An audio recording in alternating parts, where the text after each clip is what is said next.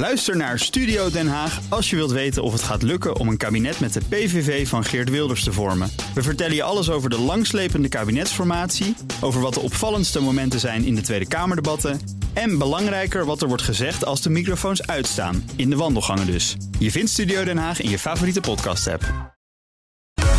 BNR breekt. Meindert Schut. De gasprijzen gaan door het dak en ook Nederland betaalt zich daar met het zo goed als dichtdraaien van de Groningse gaskraan scheel aan. Ter illustratie, de gasprijs ligt momenteel acht keer hoger dan vorig jaar rond deze tijd. Nu liggen er echter op het Nederlands grondgebied nog genoeg onbenutte gasvelden in de Noord- en Waddenzee die momenteel goed van pas zouden komen om onder die hoge prijs uit te komen. Daarom is ons breekijzer vandaag om energie betaalbaar te houden, moeten we naar meer gasvelden op zee gaan boren. Dat straks in Bener breekt. Oh, we gaan gewoon door. Nou ja, kijk, dit is de eerste keer dat ik dit programma doe, dus dan moet ik er even aan wennen. En uh, we gaan zo in ieder geval naar, uh, naar Den Haag voor een live persconferentie. Natuurlijk over het te vormen kabinet eventueel. Maar in ieder geval welkom bij BNR Breekt. Ik ben helemaal in de war. Maar goed, dat maakt niet uit. Dat krijg je als je voor de eerste keer een programma presenteert. In ieder geval, dit is de perfecte onderbreking van jouw werkdag. Vanaf uh, half twaalf praat ik over het proces in de Amerikaanse Senaat tegen Facebook. En in mijn panel vandaag uh, Tammy Schoots, transgenderactiviste en uh, sectorraadslid bij FNV Jong, hier in de studio. Goedemorgen. Goedemorgen. Ja, jij kent het programma beter dan ik, dus je moet me echt een beetje gaan helpen natuurlijk. Ik zit hier wel vaak, ja. Ja, precies. en uh, Vrenelie Stadelmeijer, directeur van She Consult en auteur. Die zit in Spanje, maar wel bij ons in de uitzending. Goedemorgen, Vrenelie. Oh, Vrenelie is nog niet. Nou, uh, goed, welkom in elk geval. Een beetje slordig uh, begin van deze uitzending... maar we beginnen vandaag even iets anders dan anders. Uh, hè. We gaan straks naar de persconferentie van informateurs... Johan Remkes en Wouter Koolmees... over de aanstaande kabinetsformatie. Daar wachten we nog even over. maar we gaan dan eerst naar de energie, ons breekijzer. BNR breekt. Breekijzer. Om energie betaalbaar te houden moeten we naar meer gasvelden op zee gaan boren. Want ja, de gasprijzen blijven maar stijgen... en dat baart in Nederland en wereldwijd tot grote zorgen. Gisteren kwamen alle EU-lidstaten en leden bij elkaar... om te praten over een oplossing voor huishoudens... die het niet meer kunnen betalen. En ook de economie heeft er veel last van. IMF waarschuwt dat de hoge gasprijzen economisch herstel in gevaar uh, brengen. Ter illustratie, gasprijs bereikte gisteren een prijs... die bijna acht keer hoger ligt dan de prijs een jaar geleden. Ook Nederland betaalt een hoge prijs. Hè. We hebben natuurlijk het uh, Groningse gas. De kraan daarvan dichtgedraaid. Of in ieder geval vrijwel dicht. En daardoor zijn we afhankelijk van de vrije markt. Bijvoorbeeld gas uit Rusland en ook Noorwegen. Maar er liggen in de Noordzee en de Waddenzee... nog een aantal gasvelden onbenut. En dus genoeg mogelijkheden om de energieprijzen in controle te houden... zou je zeggen. Daarom is het breekijzer van vandaag energie betaalbaar houden... ja, dan moeten we maar naar meer gasvelden op zee gaan boren. Uh, je kunt reageren op ons breekijzer. Bel daarvoor 020 468 4 keer 0 020 468 4 keer 0 En bij mij is nu ook uh, Jillis van den Beukel... energiespecialist van het Den Haag Centrum voor Strategische Studies. En ik uh, hoor natuurlijk graag wat jij van ons breekijzer vindt, Jillis. in korte woorden, eens. Eens. Goed, mooi, dat is ja. duidelijk. Ik kom zo even bij je terug. Ik ga eerst even een rondje langs ons panel doen. Uh, Vrenelie, wat is jouw reactie op het breekijzer? Um, ja, ik vind op zee gaan boren vind ik toch eigenlijk ook wel een ding. Um, wat ik me steeds afvraag, is het niet veel, eenvoudiger en veel goedkoper... en ik, ik weet niet, misschien uh, stoot ik wel tegen heilige huisjes... om gewoon al die Groningers die daar een probleem hebben met hun huizen... wat heel erg is, hè, let dat helder ja. wezen... om die gewoon goed te betalen... gewoon ervoor te zorgen dat dat gewoon goed geregeld is... Uh, uh, dat we daar aardbevenbestendig kunnen gaan bouwen... en daar gewoon voorlopig even doorgaan met dat gas. Dus royaal uh, uitkopen en uh, verplaatsen heel naar andere royaal. delen van ja. het land. En heel royaal, ja. inderdaad. Ja. En, en dan gewoon het Groningse gas uh, eruit halen. Tammy, hoe sta jij erin? Nou, over dat Groningse gas. volgens mij was het bij Buitenhof afgelopen zondag dat iemand zei daar in de uitzending van. Als bedrijf iets nodig hebben in deze crisis, zijn we daar zo uit. En die mensen die gecompenseerd moeten worden voor dat gas. Dat ga, kwam net naar buiten dat dat nog een aantal jaar gaat duren. Dus ik ben blij dat Vrenelie nog zo optimistisch optimistisch is. Ik ben dat in ieder geval niet. Ik vind het wel een hele mooie. Uh, ik vind het wel mooi dat ze dat zeggen. Maar ik, met deze overheid heb ik daar weinig vertrouwen in. Kijk, als ik deze stelling hoor, dan word ik er gewoon een beetje verdrietig van. Omdat ik denk, zijn we niet het onvermijdelijke aan het uitstellen? Hè? We zijn, hebben zo'n hoge levensstandaard. En we zijn echt in een soort red race om een grote massa groep maar op een pijl te houden. Uh, op een hoge levensstandaard te houden. Ik heb het ook even opgezocht. Uit onderzoek blijkt dat 900.000 huishoudens in uh, de problemen gaat komen met de verhoging van, een energie, van de energierekening. Ja. Blijkt het cijfers van het CBS en het Planbureau voor de Leefomgeving. Uh, ja, zijn we niet het onvermijdelijke aan het uitstellen? Maar wat is het onvermijdelijke dan? Bedoel je de transitie? Nou, onvermijdelijk is, dat zei Frans Timmermans op een gegeven moment heel erg mooi. Hè? Onze kinderen gaan oorlog voeren over water en voedsel. Wat hij daar natuurlijk mee bedoelt is schaarste. Er is schaarste opkomst. En dat zie je eigenlijk ook in het hele energiedebat. Dat we nu in de zee moeten gaan boren om maar die hoge levensstandaard te blijven behouden. Um, waar gaat dit eindigen? Want dat gaat ook een keer op. Um, zijn we niet gewoon constant bezig met, uh, niet, niet met de lange termijn, maar met korte termijn oplossingen. Ja, Vrenelie, jij wilde ook nog even reageren. Nou ja, ik, ik, ik, ik, ik voel wel mee met uh, wat uh, Tammy zegt. Dat, dat, ja. uh, het probleem is natuurlijk dat ons verbruik gewoon zo hoog is. En dat, dat we zolang we bij fossiele brandstoffen blijven, heb je, heb je gewoon een probleem. Terwijl als je gewoon naar andere energie... ik moet je even onderbreken, want op dit moment is er persconferentie gaande in Den oh, Haag... over de formatie, dat willen we natuurlijk ook uh, volgen. We gaan uh, snel richting uh, Den Haag. Luister even mee. Tenminste, als we die verbinding hebben met de persconferentie in Den Haag... waar eh, de twee informateurs, Johan Remkes en Wouter Koolmees... natuurlijk uh, gaan praten over de aanstaande kabinetsformatie. Formatie van het kabinet dat we eigenlijk al kenden. Het huidige uh, demissionaire kabinet met VVD, CDA, D66 en ChristenUnie. Kleine refusal van welke partij de grootste is. Ik hoor de persconferentie nu. Luister vooral even mee. Nee, toch nog niet. Nou ja, Nee, we hebben nog geen verbinding. Dan gaan we toch nog even voor dat we die verbinding hebben. Misschien even de vraag aan mijn panel. Uh, Jillis, ik kom echt zo even bij je terug over die gasprijzen. Maar uh, Tammy, als je kijkt naar uh, deze kabinetsformatie... we zijn eigenlijk gewoon weer terug bij af. Mm in het informatie, ik hoor Johan Remkes. Sorry, Tammy. We gaan even naar Johan Remkes. Pace op dit moment vastgeklonken. partijen, programma portefeuilles, personen. Uh, dus we staan aan de vooravond van de gesprekken over de tweede P. En wij willen vanzelfsprekend zo snel mogelijk aan de slag. En dat betekent ook dat we vandaag al eerste gesprekken gaan voeren. En het eerste gesprek heeft vanochtend plaatsgevonden met Wopke Hoekstra... voordat hij de financiële beschouwingen ingaat. De eerste besprekingen zullen in het teken staan van het maken van werkafspraken. En daarnaast zullen we gezamenlijk een agenda opstellen met daarin een route voor de komende periode. En dat wordt ongetwijfeld pionieren. De formatiebesprekingen worden immers op een nieuwe leest geschoeid. En dat betekent ook dat er een nader moment zal komen waarbij wij ons zullen verstaan met, uh, met andere fracties dan de vier fracties die in eerste instantie om de tafel, uh, om de tafel zitten. Dat vraagt overigens ook een open houding van de onderhandelingsteams, van de andere partijen en ook van ons als informateurs. En we zullen werkende wijs kijken hoe dat zo concreet mogelijk invulling kan krijgen. Wordt het vanaf nu een eenvoudig traject? Nee, zeker niet. Vorige week hebben VVD, D66, CDA en ChristenUnie een eerste stap gezet om verder te komen. Er is bij hen, zo hebben wij geconstateerd, een groot gevoel van urgentie, maar een garantie op succes is er vanzelfsprekend niet. Ik heb het gisteravond in de Kamer zo gezegd: er ligt wel een inspanningsverplichting, die heb ik ook duidelijk bij alle vier fracties uh, genoemd. Maar dat is natuurlijk niet hetzelfde als een resultaatsverplichting.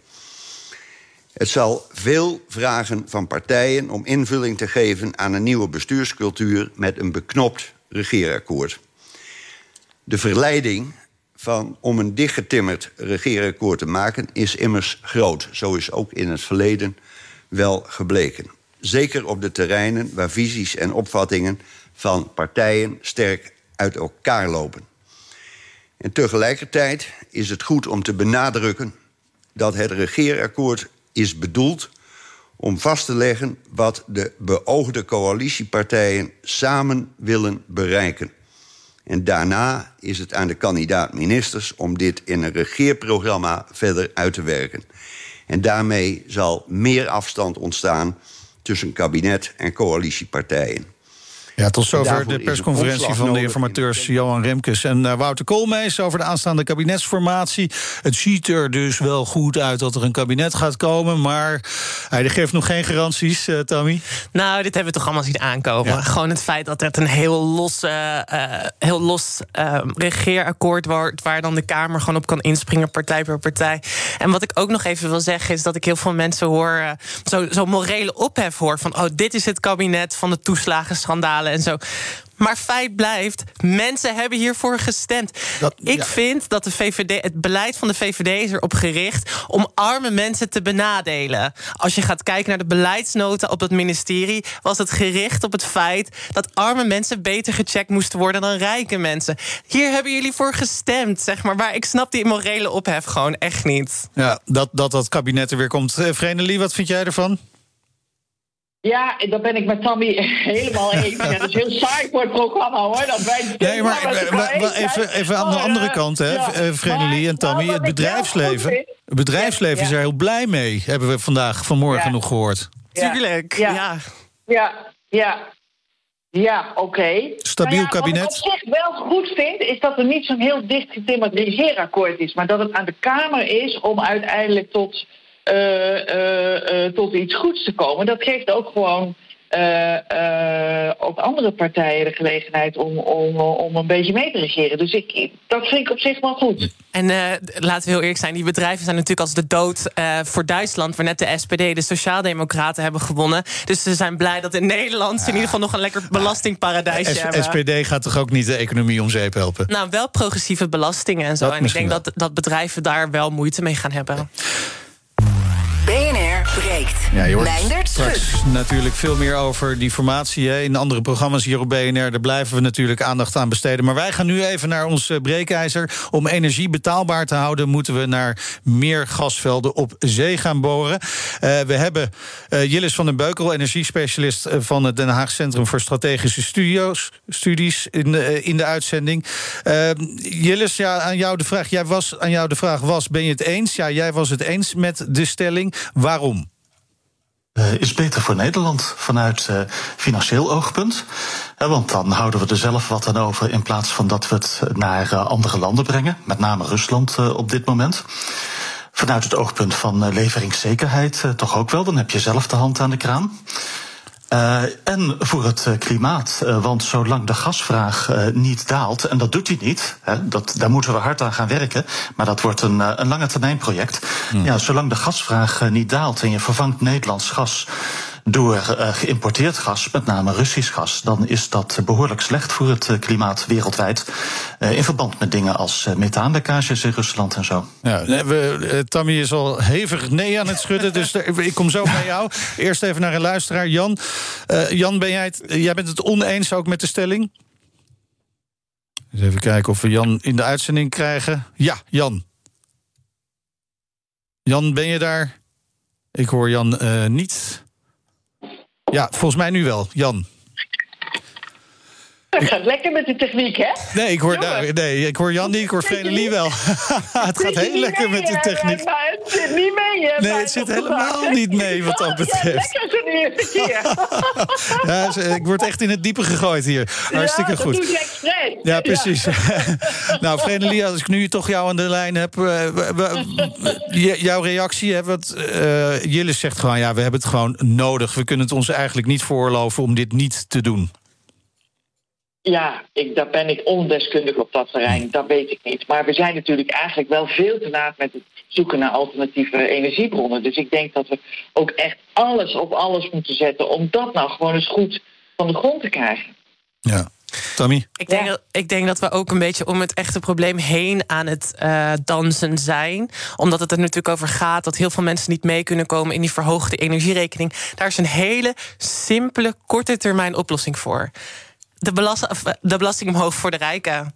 Want die betalen amper belasting in Nederland. Dan met dat geld compenseer je de mensen die moeilijker meekomen. Maar, maar, maar hoeveel, hoeveel, mensen zijn er nou echt zo rijk? Want uiteindelijk, hè, ik, heb, ik hoor dit wel vaker... en dan denk ik, dit komt uiteindelijk gewoon bij de middenklasse terecht. Nou, wat de grootste groep is in Nederland. Ik vind het wel optimistisch dat jij denkt dat er nog een middenklasse bestaat... na tien jaar. ja, dat is, uh... Ik weet dat het een beetje dogmatisch klinkt... van je moet de rijken gaan belasten. En dan heb ik het natuurlijk ook niet over hè, de kleine ondernemer... die met tien slagerijen iets meer verdient en er hard voor heeft gewerkt. Die sta, daar sta ik helemaal aan hun kant. Maar we moeten een goed verschil gaan maken tussen die grote conglomeraten die dit land gewoon gebruiken als een soort belastingontduikingsparadijs.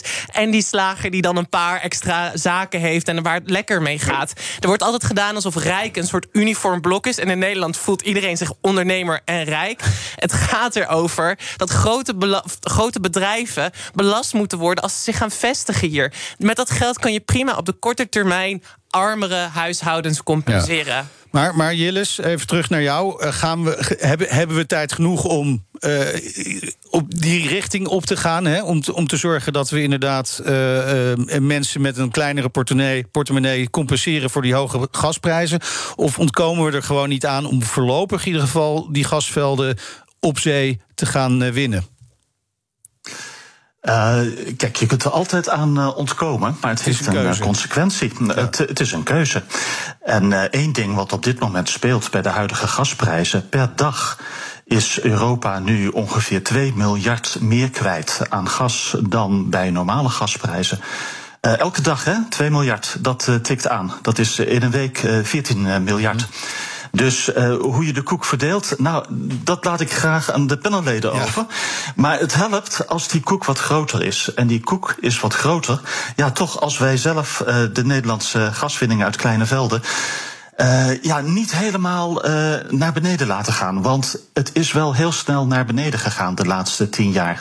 Uh, zo makkelijk werd het gasproducenten in, in Nederland niet meer gemaakt. Hè. Het is vaak genoeg in de publiciteit geweest. ja. ja, dus wat dat betreft zou je misschien ook wel kunnen zeggen... we zijn misschien wel gek uh, als we als Nederland zijn het niet gaan boren naar onze eigen gasvelden op de Noordzee. Want uh, ja, gek daardoor... vind ik een groot woord.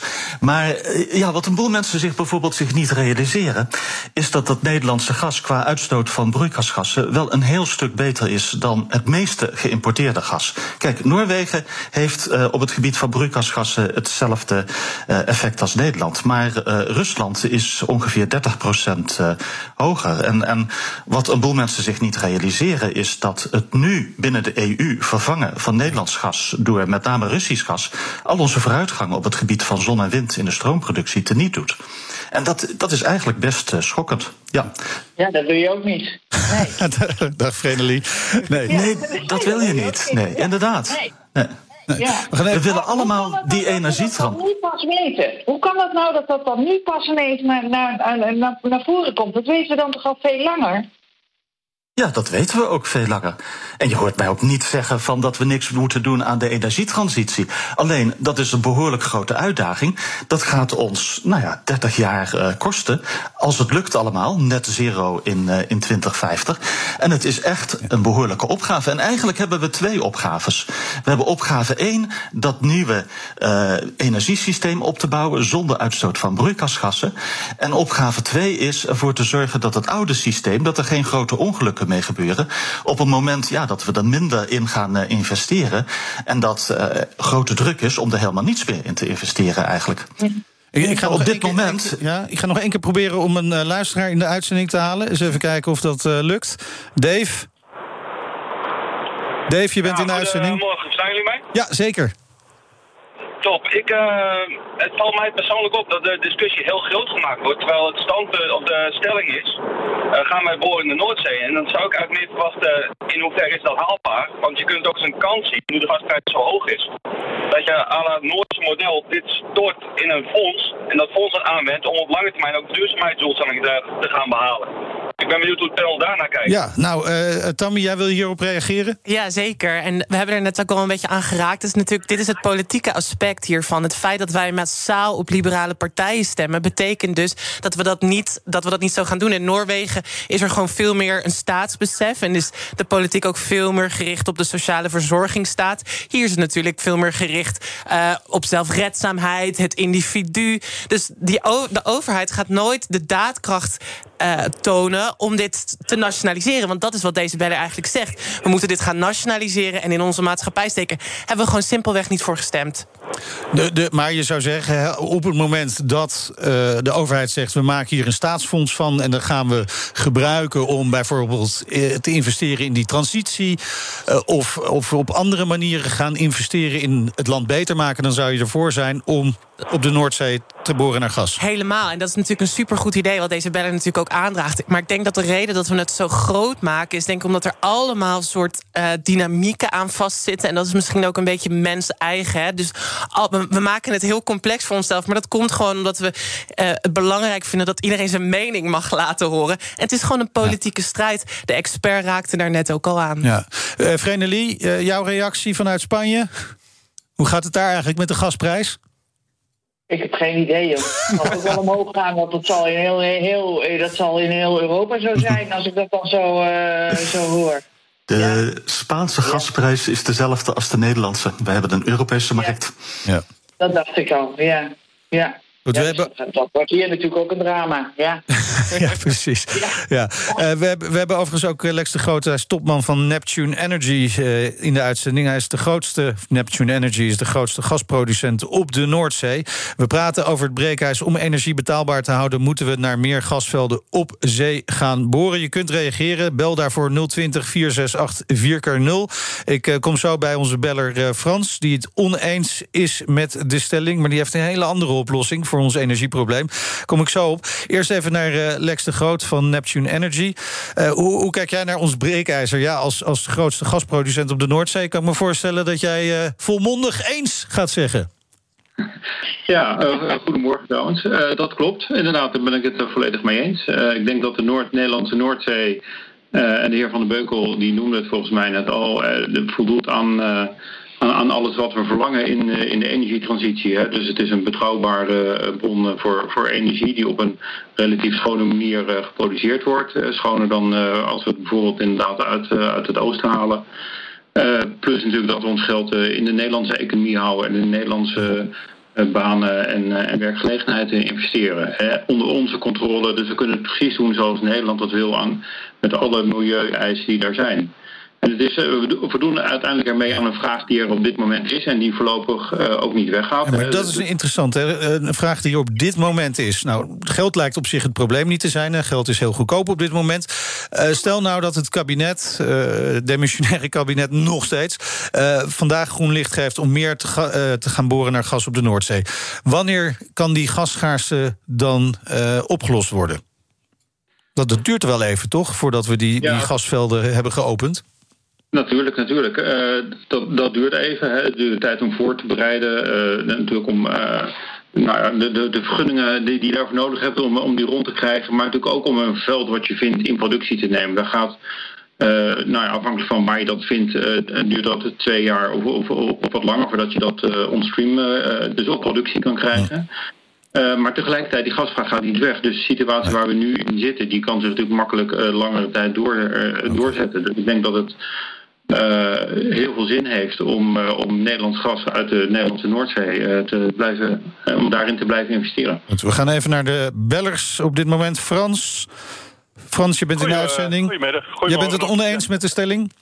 Ja, um, dit kabinet wat we hebben, wat nu demissionair is, die schuift alles maar voor zich uit.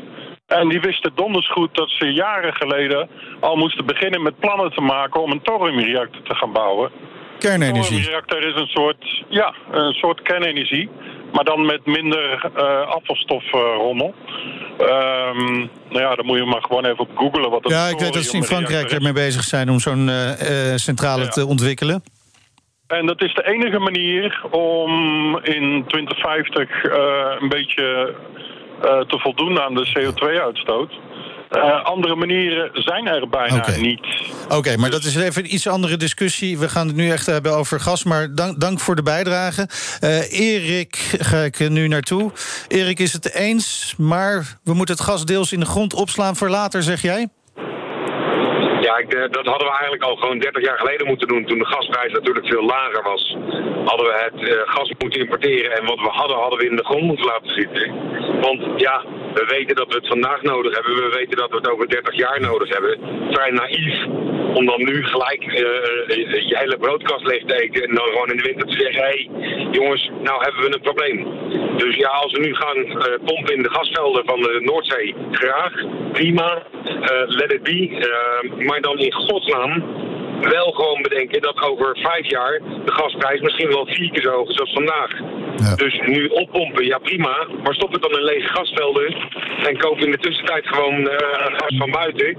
En over vijf jaar kun je het gas dat we hebben bewaard, kunnen we dan ontzettend goed zelf gebruiken of we voor vier keer zoveel verkopen.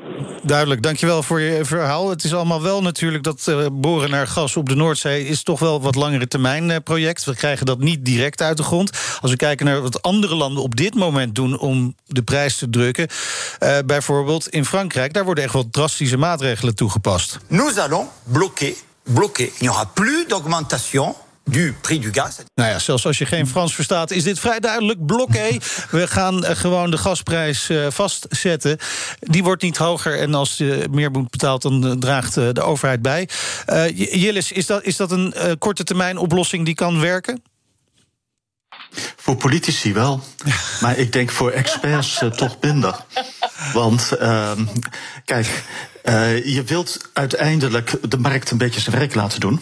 En dat betekent hoge prijzen, minder vraag eh, naar gas en eh, de zaak daardoor corrigeren. Wat ik wel vind is dat je voor echt lage inkomensgroepen, misschien ook voor bedrijven die hierdoor echt in de problemen komen, wat wil doen. Maar je, wilt niet de, een, een, cap op de prijs hebben in zijn, in zijn algemeenheid.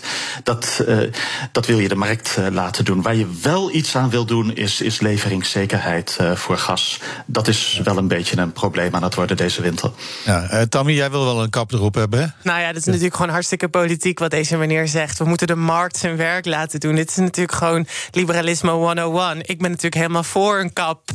Dat is een hartstikke goede zaak. Gewoon een beetje in de hand houden. Als overheid laten zien dat, dat je wat te, te zeggen hebt.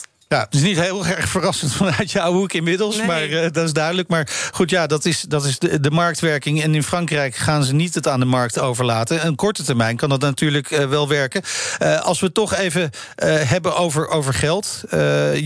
Lex, hoe, als jullie nog meer gaan boren, hè, naar, naar die gasvelden gaan zoeken... Hoe, hoeveel geld is daarvoor nodig? Ehm, nou ja, voor het boren, kijk, een, een, een put boren praat je al snel over tientallen miljoenen wat erin geïnvesteerd wordt in één put. En eh, je hebt natuurlijk meerdere nodig. Dus, eh, dus ja, eh, het aantal keren zo- zo'n zo'n bedrag. Dus ja, ik denk dat we tientallen tot honderden miljoenen nodig hebben om daarin te investeren. Maar, maar als je nu kijkt wat er, ik hoorde net een bedrag van 2 miljard per dag wat wat Europa uitgeeft. En, en Nederland als grote gasgebruiker heeft daar een aanzienlijk deel in, denk ik. Ehm, ja, dat gaat nu eh, de grens over. Dus we kunnen met relatief lage kosten eh, een, een, een gedeelte van onze eigen eh, gasproductie voorzien van onze eigen Noordzee. Op een veilige manier. Tammy, heel kort nog. Nou, ik hoop uh, die 10, uh, 10 miljoen hè, die van gemeenschapsgeld hier ingestopt wordt, Lex. Ik hoop dat het niet naar jouw salaris gaat. Keihard. Nou ja, uh, van der Beukel, energiespecialist van het Den Haag Centrum voor Strategische Studies. Dankjewel. En ook uh, Lex de Groot, je mag heel kort reageren op deze opmerking. nou, de, dit geld uh, gaat uh, voor het grote gedeelte naar, naar Nederland als via belastingen en, en, directe inkomsten, omdat EBN als de Nederlandse overheid neemt daarin een, een groot belang, doet daaraan mee. Ja. En inkomsten komen ook die kant op. Dus het is voor je in alle opzichten een verstandige besluit. Dankjewel, Lex de Groot, topman van Neptune Energy, de grootste gasproducent op de Noordzee. Zometeen bespreken we het proces van de Facebook-klokkenluister over het beperkte mate van veiligheidsmaatregelen die het bedrijf neemt. En we gaan het hebben over homofobie en genderongelijkheid in het onderwijs. Hier zou de overheid namelijk scherper op moeten toezien volgens de Onderwijsraad. Tot zo. Ook Harm Edens vind je in de BNR-app. Je kunt BNR Duurzaam niet alleen live luisteren in de app, maar ook terugluisteren als podcast, zoals al onze podcasts. En naast dat de BNR-app Breaking News meldt, houden we je ook op de hoogte van het laatste zakelijke nieuws. Download nu de gratis BNR-app en blijf scherp. BNR Nieuwsradio. BNR breekt. Mijndert Schut. Welkom terug bij BNR Breekt. Uh, Tammy Schoots zit in mijn panel vandaag hier in de studio... net als uh, Vrenelie Stadelmeijer, maar die zit dan in Spanje. Vrenelie, je bent er gewoon nog lekker, hè? Ik hoop het. Ja, gelukkig. We horen je. Dat gaat in ieder geval goed. Heel goed. Uh, we gaan het over Facebook hebben. Mark Zuckerberg die ontkent de beschuldigingen van uh, klokkenluider Francis Hogan... dat Facebook winst belangrijker vindt dan de veiligheid van gebruikers. Deze klokkenluider werkt als uh, datawetenschapper... bij het team dat desinformatie op Facebook moest tegengaan. Nou, Hogan die herhaalde haar beschuldigingen gisteravond... tijdens een hoorzitting in de Amerikaanse Senaat. But I'm here today because I believe Facebook's products harm children, stoke division, and weaken our democracy. The company's leadership knows how to make Facebook and Instagram safer, but won't make the necessary changes because they have put their astronomical profits before people. Ja, dat is een stevige beschuldiging aan het adres van Facebook. Uh, Vrenelie, ben je het met, uh, met Hogan eens, voor zover jij dat kunt overzien? Nou ja, voor zover ik dat kan overzien, ben ik het daar wel mee eens. Ik denk ook dat je zulke beschuldigingen niet gaat doen tegen zo'n machtige partij als je niet heel zeker bent van je zaak. Tommy? Nou, ik wil toch een klein beetje inzoomen. Want een van de dingen die ze daarin noemt... is dat het tegen de democratie ingaat. En dat is wel eigenlijk een interessant onderwerp. En ik denk dat dat ook echt het meeste raakt aan mensen hun, hun, hun leven op dit moment. Iedereen kent wel iemand die zijn nieuws van Facebook afhaalt. Wat gebeurt daar? Er ontstaan schaduwmaatschappijen... waarin mensen in een soort andere realiteit kunnen leven. En nu met corona is dat eigenlijk naar boven gegaan. Heel veel mensen die ik mijn hele leven al ken... opeens die willen zich dan niet laten vaccineren... Ja. Want ze hebben dan via via gehoord op Facebook uh, dat iemand daar een slechte reactie op heeft gehad. En dat vind, ik, dat vind ik het meest zorgelijk. Dat er eigenlijk dat vertrouwen in de overheid wordt nog verder ondermijnd. Zodat er een soort schaduwverhaal ontstaat op zo'n Facebook. Hoe, hoe komt het dat mensen zich zo laten leiden, bijvoorbeeld door zo'n algoritme van Facebook? Want ik denk altijd, ja, en ik ben journalistiek uh, opgeleid. Ik denk altijd van ja, je gaat toch altijd nog naar een andere bron kijken. Je laat je toch niet alleen maar door Facebook ja, maar vertellen denk, wat, hoe de wereld in elkaar zit? Maar ik denk dat daar misschien ook het stukje met journalistiek zit. Ik denk dat journalisten heel erg getraind zijn om in het moment te zitten. En die zijn eigenlijk de, de, de conjuncties, hè, dus de, de ontwikkelingen waar we middenin zitten, zijn ze aan het beschrijven en die zijn ze naar buiten aanbrengen. Ja.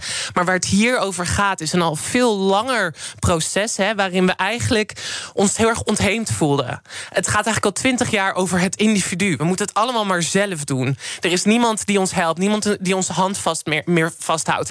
En als ik heel eerlijk ben, ik denk dat wij als mens daar heel erg naar snakken.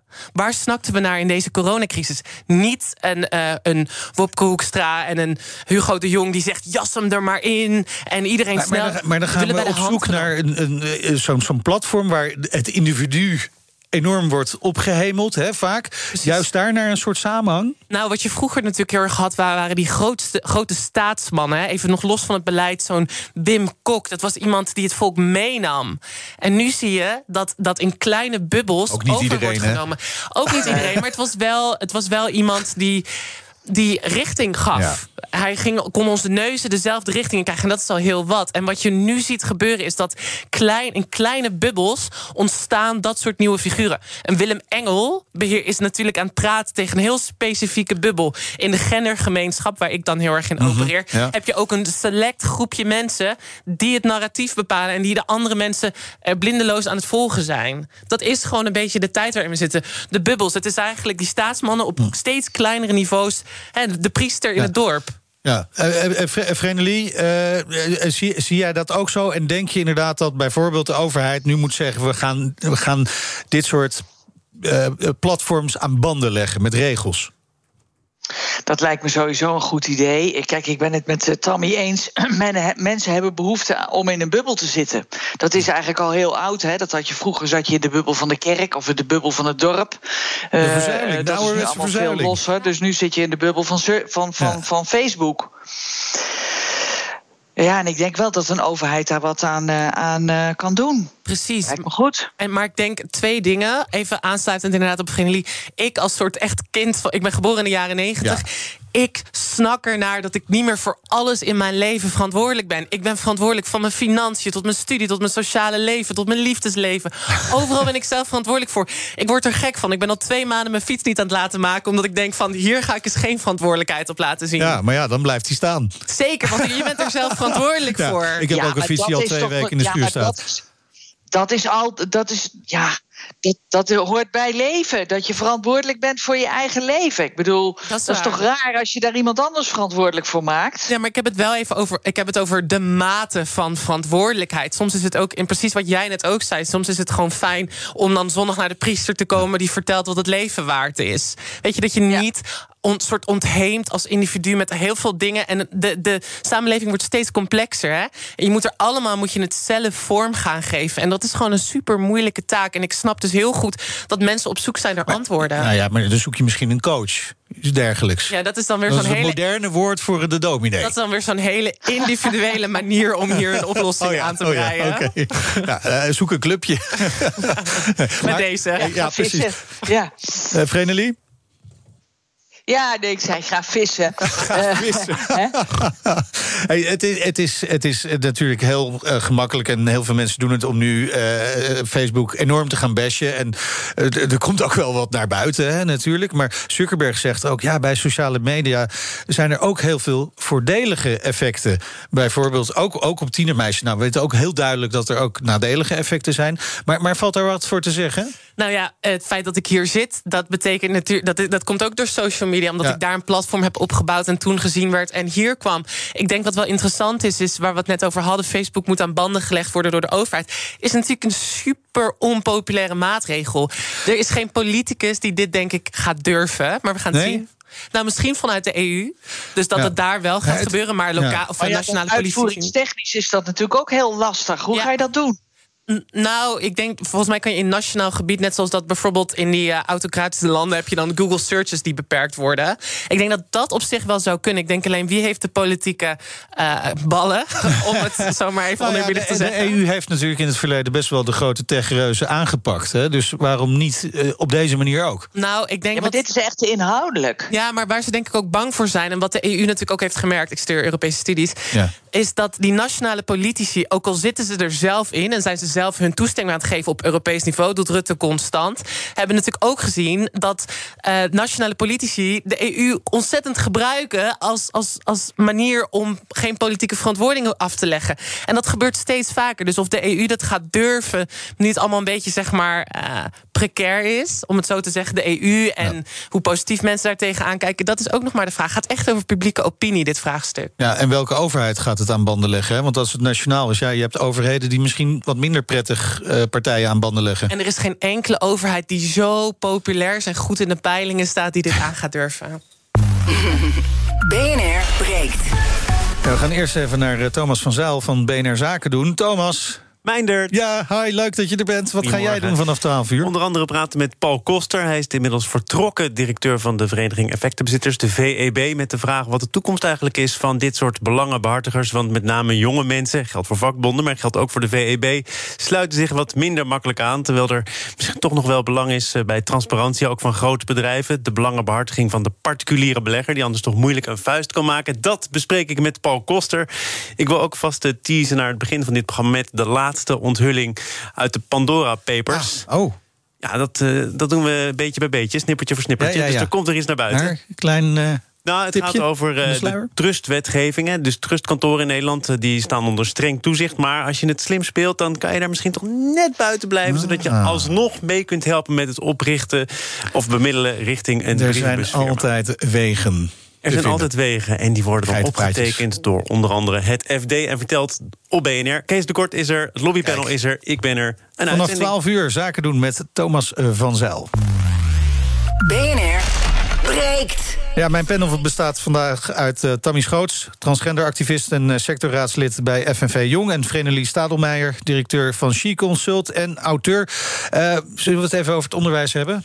Goed idee. Goed idee, hè? De overheid moet alerter zijn en sneller ingrijpen als scholen ondemocratische lessen geven of vrouwen en homoseksuelen discrimineren. Dat schrijft de Onderwijsraad in een advies aan het demissionaire kabinet. Goeie zaak, Tommy? Nou, eerst vond ik van wel. En toen Oh. eh, las ik een analyse op de Volkskrant. En toen moest ik eigenlijk heel hard lachen. Want eh, wat de Volkskrant heel erg mooi uiteenzet. is het debat in de Kamer. tussen progressieve en conservatieve partijen. gaat over artikel 23. Dus om, het even, eh, om dat even uit te leggen. dat is waar die religieuze scholen. zeg maar hun rechten aan ontlenen. Vrijheid Wat- van onderwijs. Precies, wat progressieve partijen zeggen is... we moeten daaraan gaan morrelen, want dit moet fundamenteel veranderen. Conservatieve partijen zeggen nee, er zijn andere gronden. En wat de Onderwijsraad doet in dat adviesrapport... is eigenlijk eh, zich scharen achter die conservatieve partijen in dit debat. Dus ze zeggen niet, eh, dat schreef de Volkskrant... Ja, ja. eh, die, die zeggen niet van... we moeten er echt iets fundamenteel aan veranderen... maar zitten eigenlijk ook in... oh, er zijn allerlei dingen omheen... waardoor we het een beetje kunnen temperen. Dus Hmm. kijk, wat het gewoon natuurlijk is... is er zijn veel minder religieuze mensen in, in Nederland. Veel minder christelijk. En die moeten natuurlijk ook hun, hun religie kunnen beleiden. Maar is zo'n artikel 23, wat echt uniek is hè, aan Nederland... Is het niet een beetje achterhaald? Vreemdelie, achterhaald? Ja. ja, ik Je moet het niet de hele tijd eens met elkaar zijn, hè? Ja, ja. Ja, ik vind het echt van de, van de gekke dat je gewoon op, school, op een school eh, kan onderwijzen dat, eh, dat, dat, eh, dat er homofiel zijn en verkeerd is. Ja. En het slaat echt helemaal nergens op. Gewoon moeten we meteen vanaf. Nee, een voorbeeld werd gegeven hè, dat, dat op sommige scholen in de boeken dan eh, zou staan dat eh, homoseksualiteit te genezen is. Ja, ja Nou belachelijk. Ik denk ook dat heel veel van onze luisteraars gelukkig vinden dat dat belachelijk is. Maar er zit natuurlijk ergens een grijs gebied van wat je kunt opleggen aan een school. En eh, eh, wordt het niet allemaal een enorme eenheidsworst en de wens van één bepaalde politieke richting die we dan Nou- gaan opleggen aan de hele, heel het land? Terwijl er heel veel diversiteit is juist. Zeker, ik hoor je. En het vra- het vraagstuk gaat natuurlijk ook altijd over waar trek je de grens. Ja. Maar ik denk dat wat heel belangrijk is dus om te noemen, is dat ik. Door mijn bestaan, ik ben een Ja, transgender ja. persoon, eh, ben de facto hun religie aan het uitdagen. Ja. Maar het verschil is, zij doen de stap naar voren. Zij zeggen eigenlijk, Tammy, transgender personen zoals jij mogen niet bestaan. Jouw bestaan is immoreel. Ja. Dus er zit een verschil. in. Zij, zij zeggen eigenlijk dat mijn bestaan niet gerechtvaardigd is. En ik zeg alleen maar, ik wil er ook zijn. Ja. En dat is het verschil. Daar moet je de lijn trekken. Als je in een pluriforme samenleving... als er groepen zijn die al- tegen anderen zeggen... jij mag niet bestaan, daar moet je de grens trekken. Want Precies. het gaat tegen het idee Precies, van pluriformiteit in. Dat, dat is dus eigenlijk wat de onderwijsraad ook wel zegt. Hè? Nou, de Oh, onderwijsraad... jij vindt het niet duidelijk genoeg. Nou, het, het is te duidelijk. Want wat de onderwijsraad doet, is gewoon super makkelijk. Want ze geven vier hele concrete casussen. Ze zeggen, we moeten het concreter maken. Daar is natuurlijk nooit politiek draagvlak voor. Dus dit is gewoon een beetje van... En het is ook niet eens bindend. Het is een beetje waar, we, waar progressief linkse mensen tegenwoordig van moeten hebben. Hè. We hebben niks bindend. En we moeten allemaal van dit soort Nou ja, ik vind het wel hebben. interessant, hè, want er was een, een reactie vanuit eh, een orthodoxe school. Die, die zeggen: ja, eh, wij hebben onze vrijheden, maar moeten tegelijkertijd aan allerlei regels eh, over gelijkheid en homoseksualiteit houden. Luister even mee naar een reactie. Waar ga je die grenzen precies leggen? Moeten we allemaal door een, eh, laat ik het maar noemen, links-liberaal hoepeltje springen? Of hebben we wel degelijk onze eigen, eh, kunnen we onze eigen eigenheid vasthouden daarin? En dit is Richard Toes eh, van het Wartburg College, een reformatorische school in Rotterdam. Die zegt dus van ja, eh, dit is eigenlijk gericht op één bepaalde politieke stroming. Nee, want dit, nee, dat is dus niet waar. Dit gaat over. Want er zijn zo ontzettend veel LHBTI-mensen die niet links-liberaal zijn. Dit gaat erover dat iedereen een plekje verdient. Zal ik je iets grappigs vertellen? Het CDA, hè, de Het is een christelijke serieus partij. onderwerp, maar. eh, Ja, ja, nee. Ja, ik, ben gewoon een beetje ironisch. Ja. Als transgender persoon moest je je tot eh, 2014 laten castreren voordat Ja. je een geslachtsbevestigende operatie deed. Heeft het CDA in stand gehouden. Hè? Dus als het hier gaat over wie er door hoepeltjes moet gaan, gaan rennen, ben Ja. ik als transgender persoon, ben ik het die dat steeds moet doen. Omdat er een christelijke partij is, een CDA, een ChristenUnie, een SGP, die constant allemaal barrières opwerpt voor LHBTI'ers om tot medische zorg te komen, om te kunnen trouwen. En, en dan wat het wat wel grappig is, wat, grappig, wat ik dan denk is van ja, je zit met je te roepen links-liberaal, links-liberaal. Ik ben niet eens links-liberaal. Laten we dat even helder Nee, dus krijgen. dat is ook een frame eigenlijk, zeg je. Ja, maar we, we, kijken al jaren door een christelijke bril. Maar we zijn niet een christelijk land. We zijn een land wat voor ieder van ieder individu houdt. En dat is de consensus. En dat jij dan nu daar buiten valt na 20, 30, 40 jaar van christendemocratie. Dat moet je ook accepteren dat je een keer niet in de meerder- meerderheid bent. Goed, dankjewel voor je be- bevlogen betoog in ieder geval. Vreneli? Is het ermee eens? Ja, waarschijnlijk wel. Nee, precies. Maar het is in ieder geval misschien wel, dit rapport, misschien wel een begin van een discussie weer hierover. En Tammy, je bent, wat je bent misschien wat ongeduldig. Misschien. Maar, en misschien ook wel terecht. Ehm, we gaan naar jullie eigen nieuws. Eh Vreneli, mag ik even bij jou beginnen? Waar wilde jij het over Ja, hebben? Ja, ik wil het hebben over eh, Diversity Day. Dat eh, wordt ieder jaar georganiseerd door de CER. Dat was gisteren. Daar deden 330 organisaties aan mee. Echt met hele grote namen als PwC, ABN AMRO, Coca-Cola, Lidl, nou, noem maar op. En wij deden ook mee, natuurlijk. Dat kan niet anders als She Consult. En we hadden 's ochtends een ronde tafelgesprek over waarom jonge vrouwen zo vaak afhaken. En wat je daar als werkgever aan kan doen. Nou, heel veel bleek. En smiddags hadden we, eigenlijk als een soort geintje, hadden we dat bedacht. Een eh, workshop voor mannen. Eh, voor Oh. mannelijke leidinggevenden over het vrouwenbrein. Oh jee. Eh, samen, ja, precies. Samen met professor Dr. Iris Sommer, hè, die auteur van het Vrouwenbrein. Met haar organiseer ik ook een collegereeks eh, met eh, zes online colleges van een uur. Ehm, en dit leek me nou ons een leuk experiment. Het was eigenlijk een beetje geintje. Maar het liep dus gewoon storm. Eh, ja, We willen eindelijk wel eens weten hoe jullie denken. zich Kennelijk, kennelijk hebben de mannen dus ook de behoefte om de andere seksen beter te begrijpen. Nou, dat is natuurlijk helemaal verhuigend. Maar is dat niet een enorme illusie dat wij dat ooit gaan begrijpen? Ja, zeker. Gelukkig. Tuurlijk. Tuurlijk, tuurlijk. En ehm, eh, eh, het doel van die workshop was om mannen te laten zien dat vrouwen toch anders denken en doen dan mannen. Niet beter, niet slechter, maar anders. En dat de spelregels die mannen hanteren anders zijn dan die van vrouwen. En, en als je het beste uit je team wil hebben, moet je je medewerkers begrijpen. Dus moet je snappen hoe ze in elkaar zitten, anders gaat het niet, Ja. niet, niet werken. Maar waar ik het over wil hebben is. eh, toen kregen we het ook over lichaamstaal. En de lichaamstaal van vrouwen is toch wat anders van mannen. Bijvoorbeeld als iemand iets vertelt, gaan vrouwen zitten knikken. Die doen zo'n ja-knik, weet je wel? Die zitten dan zo ja te knikken de hele tijd.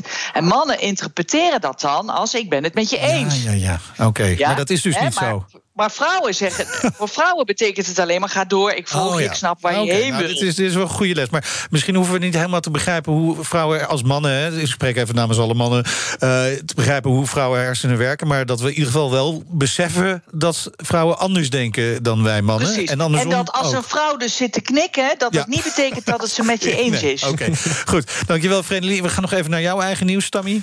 Ik moet wel lachen dat je zegt, wij als mannen begin je meteen een beetje lager te praten. Je had het door, ja, ik had het door. Ehm, nou, ik zal, ik zal het kort houden. Ik vond het wel een heel interessant nieuwtje. En misschien een hele goede toevoeging op dat hele identiteitsdebat. Is dat Kirsten Sinema is een senator in Amerika Ja. van, eh, van de staat Arizona. Eh, de Amerikanen gaan binnenkort stemmen over die 3,5 triljoen infrastructuurbil van Biden. Hè? Ja. En zij is er. Ha- de, zij heeft heel veel protesten bij haar kantoor, omdat zij dreigt tegen te stemmen. Waarom? Ze gaat met de meest oerconservatieve democratische senator Joe Manchin... eh, willen ze een kleinere overheidsuitgave doen. Iedereen is super boos, want ze is ook biseksueel. Heeft dat breed uitgemeten. Ehm, en nu krijgt ze protesten, omdat al die mensen denken... ja, je bent biseksueel, waarom stem je niet Dan pas je progressief? niet in het plaatje. Ze heeft ook al tegen de 15 dollar minimum wage in maart gestemd. En dit vond ik wel mooi, dat je denkt... oké, als je een marginale positie hebt... betekent het niet per se dat je ook progressieve wetgeving aanhangt. Dankjewel. Hiermee zijn we aan het einde gekomen van eh, deze onderbreking van je werkdag. Dank aan mijn panelleden Tammy Schoots, transgenderactiviste en sectorraadslid bij FNV Jong... en Vrenelie Stadelmeijer, directeur van She Consult en auteur. Morgen is er gewoon weer een BNR Breekt. Tot die tijd kun je ons volgen op YouTube en de socials. Twitter, BNR, Instagram, BNR Nieuwsradio... en natuurlijk bnr.nl. Zometeen BNR Zaken doen met Thomas van Zijl. Tot morgen. Ook Liesbeth Staats vind je in de BNR-app. Ja, heel handig. Luister live naar Kees en mij tijdens de Daily Move. Dan blijf je ook gelijk op de hoogte van breaking news en het laatste zakelijke nieuws. En daar vind je ook alle BNR-podcasts, waaronder de Perestrooikast. Download nu de gratis BNR-app en blijf scherp.